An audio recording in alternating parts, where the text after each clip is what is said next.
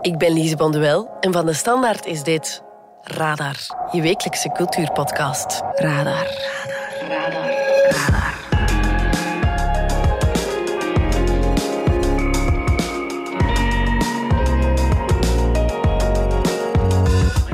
Check, check, check. Whenever you're ready.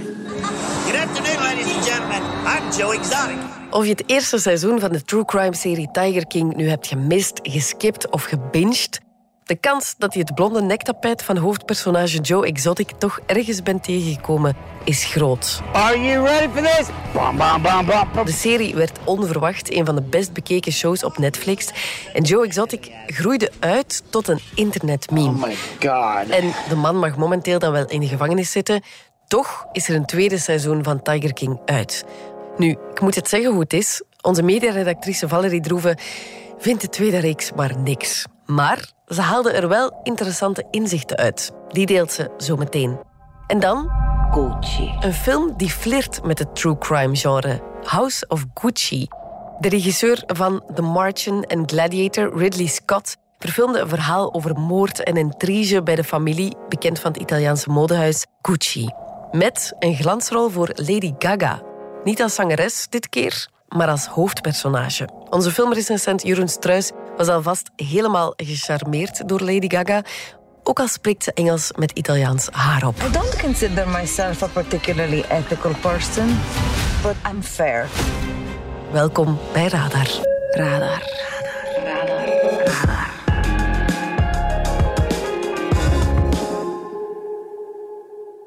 Valerie Droeven, onze mediaredactrice. Het eerste seizoen van Tiger King kwam in veel landen uit op hetzelfde moment als de eerste lockdown. En net nu het er naar uitziet dat we weer een coronawinter ingaan, is er een nieuw seizoen uit van Tiger King op Netflix. Oh my god. Een korte catch-up. Wat is Tiger King? Tiger King is in de eerste plaats een persoon die Joe Exotic heet. An Oklahoma man who goes by the name Joe Exotic. How good? Okay, that sucked. Dat is een mafketel eigenlijk die in de VS jarenlang een soort van ja, tijger, grote katten zo uitgebaat heeft. Ladies and gentlemen, before you hear it on the news, I'm going to tell you myself. About an hour ago, we had an incident where one of the employees stuck their arm through the cage and a tiger tore her arm off. I can give you your money back or I can give you a rain check. Het is ook de titel van een Amerikaanse documentaire reeks over zijn leven, hè, die, in, zoals je zei in het begin van de vorige lockdown, heel succesvol was. Dat seizoen gaat meer dan over het wel en wee in de zoo. Heel erg centraal staat een, een vete die die man blijkbaar al jarenlang heeft met een, een zekere Carol Baskin. Iemand die grote katten wil redden uit benarde situaties en een soort van shelter opgericht heeft. Hey everyone, it's Carol at Big Cat Rescue. Zij beschuldigt hem die dieren te misbruiken, in slechte Ja. omstandigheden daar te laten leven. Our mission is to ban the private possession of these magnificent animals. En hij beschuldigt haar van de moord op haar vorige echtgenoot, die al jarenlang verdwenen is. If we could ever get the law to go in there and dig up that septic tank, I promise you he's underneath that damn thing. In die documentaire reeks komen zo terecht in een echt een maffe subcultuur van privé-dierentuin-eigenaars. You're an animal rights person and you try and come into this facility, this is what you're going to be greeted with. De ene nog gekker als de andere. I mean, it got crazy. It got crazy. Die, die eh, ook denken dat ze daarbuiten artiesten zijn. Ja, Joe Exotic eh, is- is ook een zanger, maakt muziek. I saw Tiger, now I understand.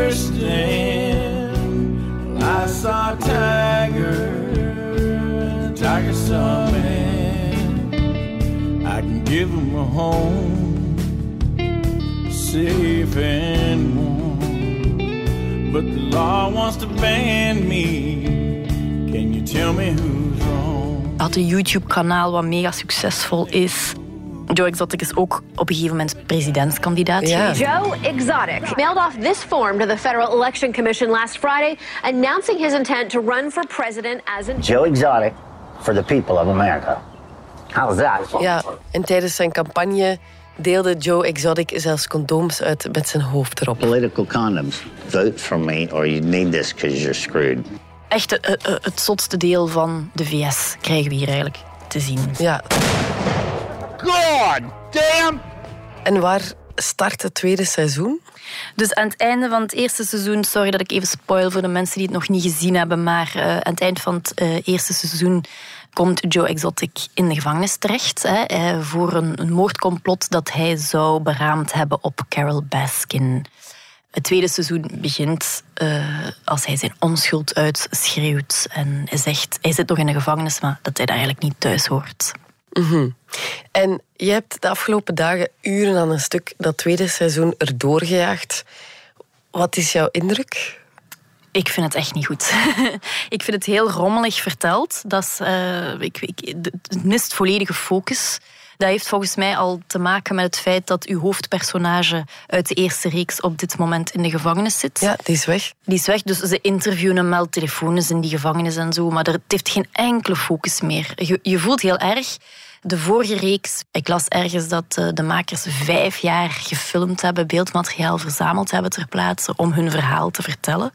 En Voor het eerste seizoen. Het eerste seizoen. En ze vertellen een maf verhaal en je kan daar van alles over vinden, maar er zit wel een lijn in, een spanningsbogen kloppen, het gaat ergens naartoe. En ik heb echt het gevoel dat ze nu gewoon de, de leftovers van toen ja, uh, aan, ja, aangevuld hebben met paar interviews met andere mafketels die heel erg Joe Exotic aan het nadoen zijn. Ja, want Carol Baskin zelf um, had ook proberen afdwingen via de rechtbank dat er geen beeldmateriaal van haar gebruikt werd dit keer. Mm -hmm. Hoe hebben ze dat opgelost? Ze gebruiken heel veel archiefmateriaal. Ja. Um, je ziet Carol Baskin op heel veel momenten in haar golfkarretje rondhossen over haar domein. Dat is een heel bekend beeld. Maar ook die mensen zijn daar ter plaatse al jaren, decennia zelfs, in de, de lokale media te zien geweest, omdat ze ruzie hadden of omdat er problemen waren. Ook dat soort beelden gebruiken ze. En ook een heel groot deel uh, van de beelden van Beskin komen van haar eigen YouTube-kanaal. Die mensen hebben allemaal een, zeer populair YouTube-kanaal, waarin dat ze op een gegeven moment, om te bewijzen dat ze haar man niet vermoord heeft, is haar dagboek sinds de jaren negentig beginnen voorlezen. And it's like over 1500 pages. So. Zeer, zeer genante bedoeling. Maar goed, in elk geval, daar uh, halen ze fragmenten uit. Ja, nu, ik zal eerlijk zijn. Hè. Um, ik ben denk ik afgehaakt na een paar afleveringen van het eerste seizoen. Omdat ik echt dacht, waar ben ik eigenlijk naar aan het kijken? Waarom krijgen die mensen een podium? Maar um, ja, iedereen rond mij, ik denk letterlijk iedereen rond mij, heeft die serie echt gebinged.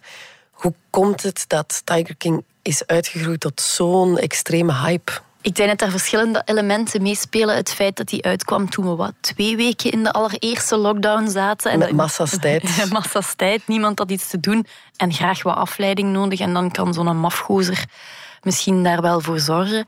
De kwaliteit van het eerste seizoen was ook beter dan het tweede seizoen. Daar ben ik van overtuigd. Maar los daarvan is Tiger King, de man Joe Exotic en al die andere personages zijn meteen beginnen leven op het internet. Die hebben meteen mm -hmm. voor een hele golf aan memes gezorgd op het internet. Grapjes, mensen zijn die gaan naspelen.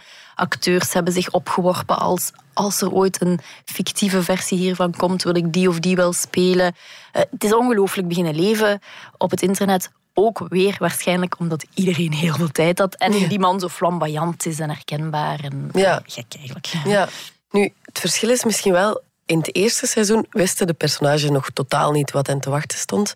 Ondertussen zijn ze gebombardeerd tot ja, onderdeel van een wereldwijd gevolgd spektakel. Wat voor effect heeft dat op hen? Ja, echt elk personage is die beroemdheid gaan kapitaliseren. Hè. Elk personage dat we te zien krijgen gebruikt de vorige Tiger King en de beroemdheid die daaraan vasthangt om geld mee te verdienen of om de populaire jongen uit te hangen.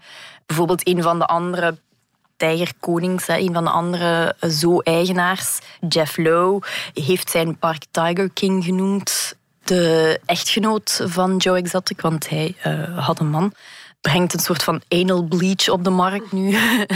uh, om, ze, om, rijk mee te worden. James Garretson, een van de mannen die Joe Exotic mee in de gevangenis heeft ingepraat. Een van de meest gehate personages ook na het eerste seizoen heeft een bedrijfje waarmee hij jetskis verhuurt. Dat bedrijf heet Jetski King. Uh, zo zie je maar, die mensen uh, ja, hebben alles gedaan om die beroemdheid die ze daar verkregen hebben in stand te houden. En het zijn eigenlijk zeker in dit tweede seizoen echt personages geworden daardoor. Mm -hmm. Ja, en is het dan nog, want ja, officieel uh, is Tiger King een true crime documentaire. Kunnen we dan nog wel spreken van een documentaire?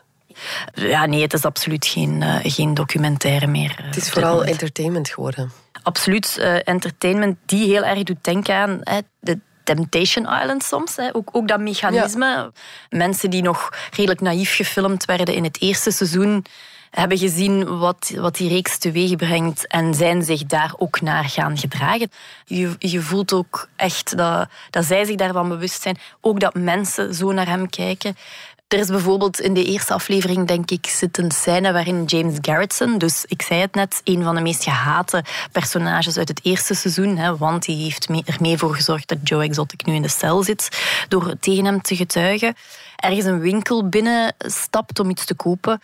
En daar ligt een, een, brief van Joe Exotic waaruit blijkt dat de winkeleigenares Joe Exotic steunt en hem wil vrijkrijgen. En uh, het gaat er heel gemoedelijk aan toe. Ze vraagt hem zelfs een selfie.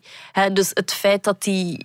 Zij zou hem moeten haten hè, als je Joe Exotic steunt. Nee, dat is van geen tel eigenlijk. Het, het gaat erom... Ik, ik heb een personage uit de reeks gezien. Oh, ik kan nu een selfie maken. Ja, ik denk dat ik daardoor was... Um, afgehaakt. Omdat ik het te veel zag als een documentaire en als een mensen die een podium krijgen. Terwijl als je naar kijkt als karakters, als personages, wordt het bijna fictie. Ja, reality TV grenst ook vaak aan fictie. Dat is ook al genoeg bewezen bij ons, dat Temptation Island en dat soort programma's niet erg um, waarheidsgetrouw zijn. Maar in deze context vind ik het veel chockerender eigenlijk. Ik heb een, één ding beseft door hier naar te kijken, en misschien is dat wel een goede zaak. Ik ben nogal lang verlekkerd geweest op alles wat true crime is, podcasts, series. Maar deze reeks is het absolute failliet daarvan in de reeks op een gegeven moment de dochters van Don Lewis, mm -hmm. uh, de man die zogezegd zou vermoord zijn door Carol Baskin, betrekken Ripper Jack, heet die mens, bij hun onderzoek naar wat er met hun vader gebeurd is. Dat is een YouTube-fenomeen. Dat is een man die uh, een, een YouTube-kanaal heeft waar hij aan true crime investigation doet. Hè. Ja. Van, vanuit zijn zetel onderzoekt hij moorden en verdwijningen. Hij heeft een goed contact met de dochters van Don Lewis, die echt naar de waarheid eerlijk waar op zoek zijn. En hij heeft daar wel degelijk een vertrouwensband mee. Uh, maar hij spit totaal niks boven. Hij, hij, hij uit beschuldigingen in alle richtingen. Hij gelooft in complottheorieën. Maar in de eerste plaats is hij filmpjes aan het maken. Hij is content voor op YouTube aan het maken. Hij is helemaal niet bezig met een moord op te lossen. Hij zet zichzelf in het centrum van het verhaal. Ja. En ja, dat, dat is het absolute failliet van true crime. Dat je daar voor je ogen ontrafelt. Entertainment is belangrijker dan de waarheid. Ja, het is puur entertainment. Het is niets anders. En is dat iets wat de makers willen aanklagen, dat effect van reality TV? Of zijn ze er zelf deel van? Ja, eh, hun houding is in elk geval heel erg dubbelzinnig in deze. Uh, ik moet toegeven dat ik wel een paar inzichten over reality TV heb gekregen of bevestigd gezien. Maar zij doen net hetzelfde als de personages uh, in de reeks. Zij cashen gewoon op de vorige reeks. Ja. Dit is de, een, de, enige reden waarom dat er een tweede reeks komt, is omdat die waarschijnlijk geld en voor Netflix-kijkers opbrengt. Dus mm -hmm. zeer dubbelzinnig. Um, maar wat wel, dus wat een interessant inzicht is, is dat. Um, uh, reality TV en entertainment uh, in hun extreemste vorm doorgedreven. Je ziet het nefaste effect daarvan op de Amerikaanse maatschappij haarfijn. Het wordt hier echt haarfijn uitgelegd. De makers leggen de link wel met het presidentschap van Trump. Op een gegeven moment is er zo'n rijke stinkert die Joe Exotic wil vrijkrijgen. Die plakt vliegtuigen vol met zijn kop en zo. En hij wil echt dat Trump, Donald Trump, hem genade geeft. Dat is de snelste manier om hem vrij te krijgen. Dus wat doen ze? Uh, op de dag dat het kapitool bestormd wordt in Washington, maar ze weten dat natuurlijk niet op voorhand, trekken ze naar daar. Dus herinner u die dag um, is Trump aan het vechten om president te blijven. hij is al niet meer herverkozen, uh, maar hij wil toch uh, de verkiezingen nietig laten verklaren op dat moment. Dat, is, dat is de context waar, waarin zij naar uh, Washington trekken. En zij staan daar te betogen, Free Joe Exotic, grote spandoeken. En worden daar uitgescholden door andere mafketels, namelijk de mafketels die nog geen uur later het kapitool zullen bestormen. Um, die link vind ik interessant, want er is ook wel een link te trekken tussen reality TV en het presidentschap van, van Trump. Er zijn wel mensen die er eerder al op gewezen hebben dat um, Donald Trump zijn presidentschap opgevat heeft als één grote reality TV-show. Om te beginnen was hij een reality TV-ster. Hij is, is, zo, hij is zo zijn grote bekendheid bereikt door op tv te komen. Maar ook uh, hoe hij met beelden omging en uh, hoe dat hij dat wist te manipuleren, had heel veel weg van reality tv. En met welk gevoel blijf je achter? Is de serie schandalig of toch goed gedaan? Um, voor mij als journalist is het gewoon stuitend dat je mensen... Uh, Oké, in Amerika is de vrijheid van meningsuiting een absoluut begrip. Hè, dus daar mocht je heel ver in gaan. Maar dat je mensen mocht beschuldigen van moorden uh, zonder dat ze zich kunnen verdedigen, vind ik echt niet kunnen. Geen wederwoord, niks. Het wordt ook niet uitgezocht. Uh, er, er zit een hele aflevering over wat er met Don Lewis gebeurd is. En dan gaan ze naar Costa Rica, waar hij huizen bezat. En ze beschuldigen, beschuldigen die mens van... Um, pedofilie-netwerken opgezet te hebben. Dat wordt amper hard gemaakt allemaal als je echt zou willen een true crime reeks maken, dan is die aflevering vijf seizoenen waard, bij wijze mhm. van spreken. Maar dat willen ze niet. De waarheid is van geen tel. En voor mij als journalist is dat toch iets wat uh, mij tegen de borst stoot eigenlijk. Oké. Wie toch maar niet genoeg kan krijgen van Joe Exotic, het tweede seizoen van Tiger King, vind je op Netflix. Valerie Droeven, dankjewel. Graag gedaan. Radar.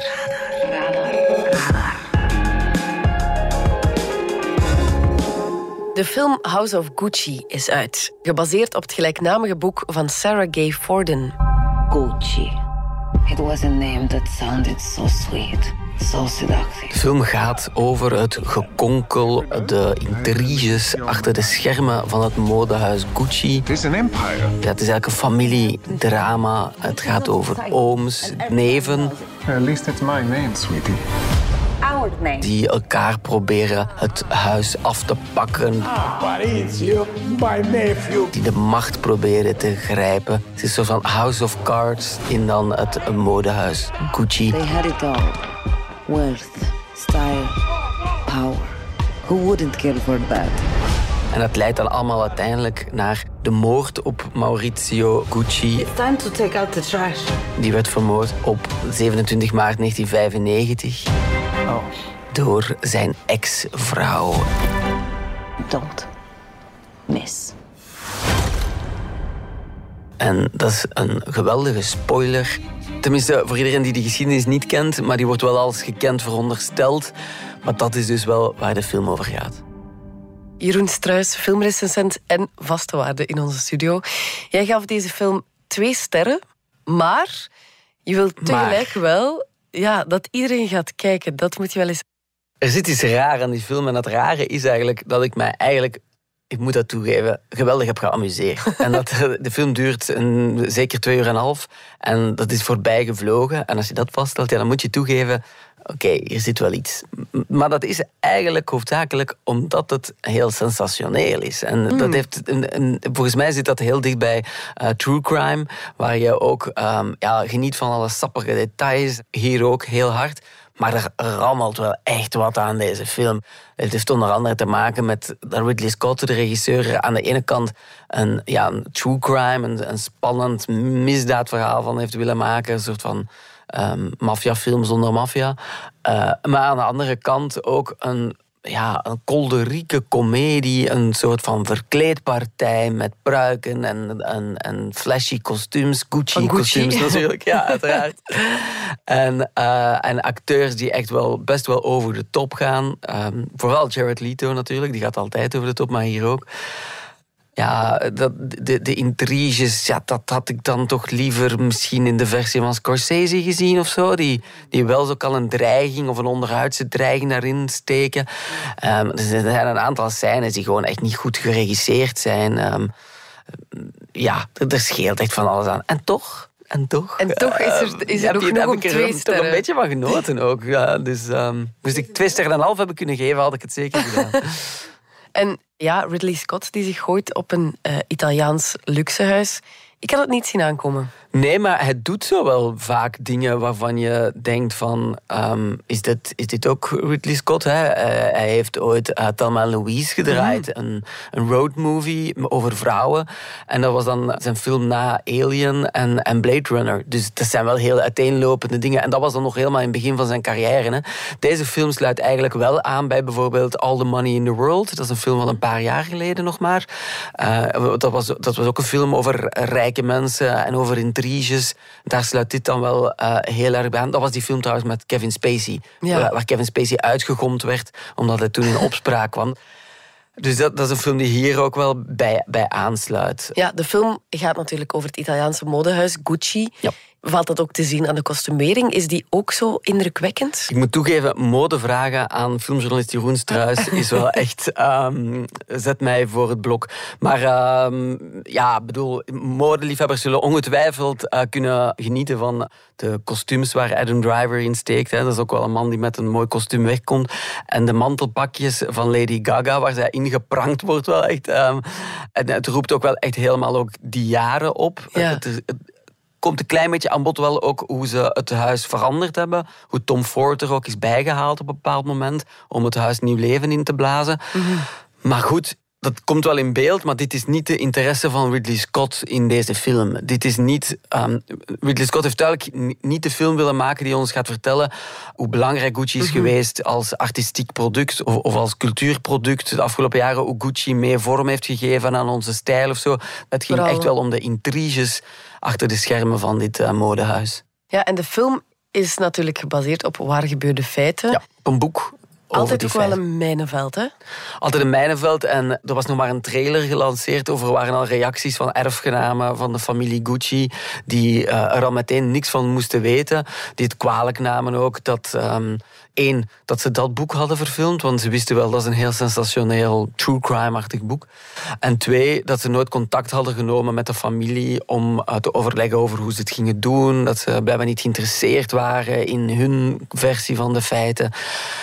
Maar ja, als je de film ziet, begrijp je wel waarom. Waarom Het- niet is- Ja, het is toch wel een vrij ehm, eh, ontluisterende kijk achter de schermen van dat huis. Of dat het daar allemaal echt zo aan toe is gegaan, is vrij irrelevant. Ik bedoel, het is een speelfilm, het is geen documentaire. Ja. Ehm, maar eh, ja, het is heel smeuig en sensationeel. En ehm, ja, je ziet hen in weelderige decors tussen echte Gustav Klimt zich gedragen, eigenlijk als kleine kinderen.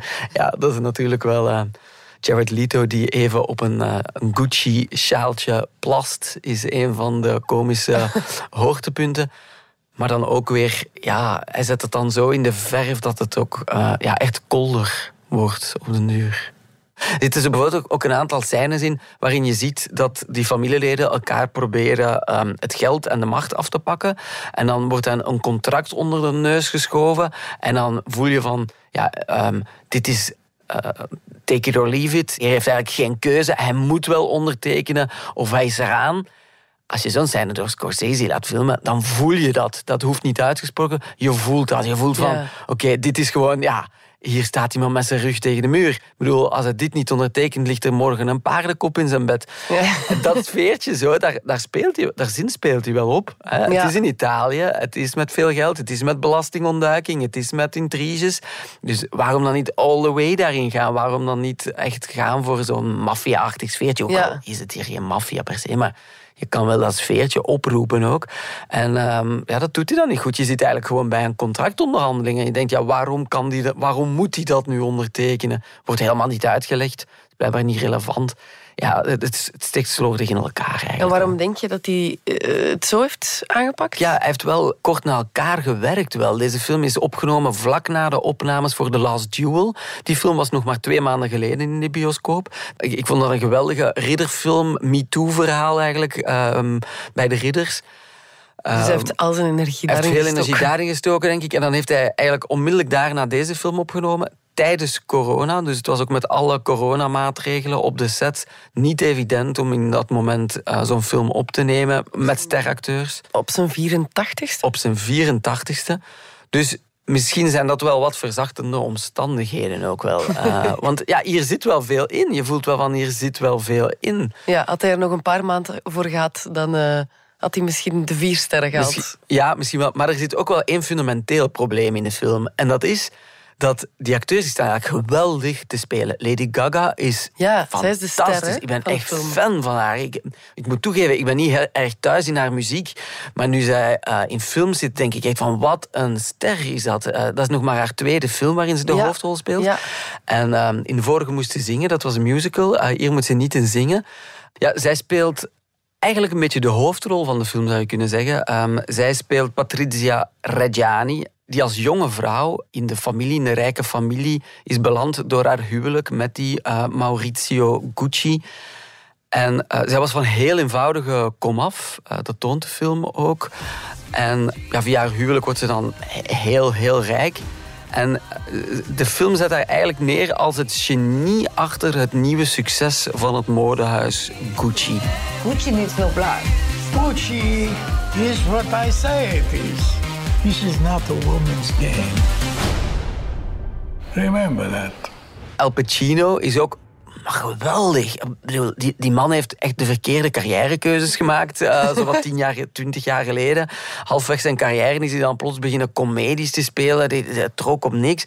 En dan nu ehm, zat hij in die laatste Scorsese-film, The Irishman. Nu hier is hij echt geweldig. ehm, maar die moeten dat dan wel doen in het Engels met een gebroken accent. Die moeten dan zo'n dom Italiaans accent de hele tijd opzetten. Dus ik ben eigenlijk in bewondering voor acteurs die ermee wegkomen om een film lang in het Engels met zo'n idioot Italiaans accent te spelen. Alsof ze, ja, ja Italianen zijn die Engels moeten praten, maar het is compleet onnozel natuurlijk. En het feit dat je het af en toe vergeet, zegt alleen maar iets over de, ja, het acteertalent van die, van die acteurs. Ik snap wel dat als je een film maakt over Gucci, dat je dan die Italiaanse sfeer en couleur lokaal, dat je die wil meenemen in je film. Hè? En er zitten dan nogal vervelend terugkerende, onnozele grapjes in over espresso's. Oké, ik snap het. Hè? En er komt al eens een Vespa voorbij. Oké, we zijn in Italië, we weten het. Ja. Het is een beetje hoe Amerikanen naar Italië kijken, maar goed, ik snap wel dat Gucci is op en top Italiaans, dus je wil dat meenemen. Oké, laat dit dan misschien aan de Italianen. Ik zeg niet dat Amerika het niet mag. Hè. Ik, ik vind het een perfect idee dat Hollywood daar filmen, maar niet in het Engels met, met dan een Italiaans accent. Dat is echt gewoon ja, poppenkast. Misschien vond Ridley Scott, dit past wel bij mijn poppenkast, hè, want dit, dit ehm, past wel bij die komische overdrijving, zo'n onnozel accent. Is het ironisch bedoeld dan? Ja, ik, ik voel het toch niet helemaal hoor. Ik heb toch het gevoel dat hier allemaal niet zo heel erg goed is over nagedacht. Over wat wil ik eigenlijk met die film vertellen. Ja, ja. Ik denk als je dan voor Italiaans wil gaan, dan moet je gewoon echt voor Italianen gaan. En bijvoorbeeld iemand als Sorrentino, die nu toevallig volgende week ook met een film komt.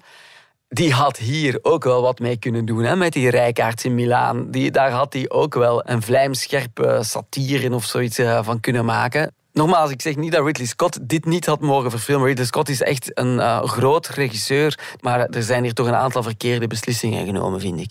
Ja, maar ondanks de twee sterren toch allemaal richting bioscoop. Toch, en toch moet ik toegeven dat ik dat echt graag gezien heb. dat ik daarvan gesmuld heb. En dat heeft alles te maken met dat sensationele verhaal. Met geweldige acteurs. Over de top. ehm, het is camp. Het, het is toch een beetje genieten. Ja, genieten in een bioscoop de komende weken. Jeroen, grazie mille. Ciao. We zijn zo terug na de reclame.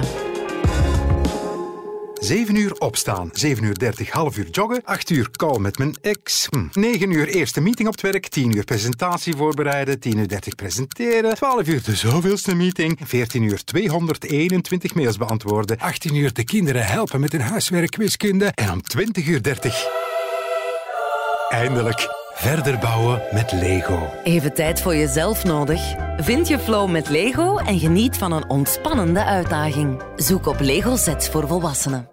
En blijf nu zeker luisteren, want ik heb hier nog een gouden tip van onze chef cultuur van de Standaard over een artiest die ik jou alleen maar even zwaar kan aanbevelen. Hier is de tip van Lieve van de Velde. De suggestie van de chef. Wat ik deze week zou willen tippen is uh, het album van John Hopkins. John zonder H, dus John Hopkins. Uh, Music for Psychedelic Therapy.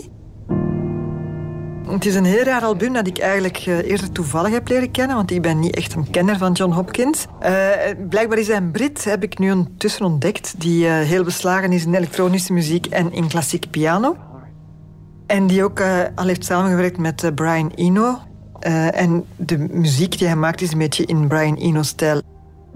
Meestal is hij ook niet vies van een, een beatje hier of daar, maar voor zijn nieuwe album heeft hij totaal anders aangepakt. Hij is uh, in volle lockdown, in volle uh, coronamiserie, is hij drie dagen en twee nachten in een grot gaan zitten in Ecuador, in een regenwoud. En heeft daar een soundscape gemaakt. En alle geluiden die hem omringden, van watervallen tot roepende wilde dieren regenbuien, stortbuien heeft hij opgenomen. Uh, en dat heeft hij gecombineerd met uh, piano en uh, instrumentale muziek. En het resultaat is eigenlijk een album dat um, de wereld om u een beetje vertraagt. En dat is eigenlijk geen overbodige luxe in deze tijden. Ik zet het heel graag op als ik um, met mijn oortjes in door de stad loop. Want dan lijkt alles um, proper, clean en even stil te staan. Dat is een heel leuke ervaring. Het is ook eh, heerlijk om in slaap te vallen. Als dat nodig zou zijn voor mensen die eh, last hebben van slapeloosheid in deze vierde golf. Mijn lievelingsnummer op het album is uh, Deep in the Glowing Heart. Dat kan ik echt duizend keer op repeat zetten. En als ik er dan uitkom, dan ben ik helemaal zen. Het is wel op het randje van zweverig soms. Ik ben zelf geen zweverig type, of toch niet extreem. En uh, daar kan je wel op afknappen. Het heeft iets mindful-achtig. Er is ook één track waar uh, de mindful guru Ramdas, uh, dat is iemand die ook nog met uh, LSD-predikant Timothy Leary heeft samengewerkt, van alles verkondigt. En dat kan je in geval van zweverigheidsallergie beter overslagen dan. Just quiet your mind. Maar voor de rest is dit echt muziek voor deze, deze rare weken in december, november. Radar. Dit was Radar, de wekelijkse cultuurpodcast van de Standaard. Bedankt voor het luisteren. Volgende week zijn we er opnieuw. Radar bundelt ook cultuurtips in de Standaard Weekblad en in de nieuwsapp van de Standaard. Luister zeker ook naar onze nieuwspodcast Vandaag, uw dagelijkse nieuwsverhaal in 20 minuten. En ken je DS Podcast al, de nieuwe podcast-app van de Standaard? Daar luister je niet alleen naar onze journalistieke reeksen, je krijgt ook elke week een eigenhandige selectie van onze redacteurs en je vindt er ook al je persoonlijke favorieten. Download de app nu gratis.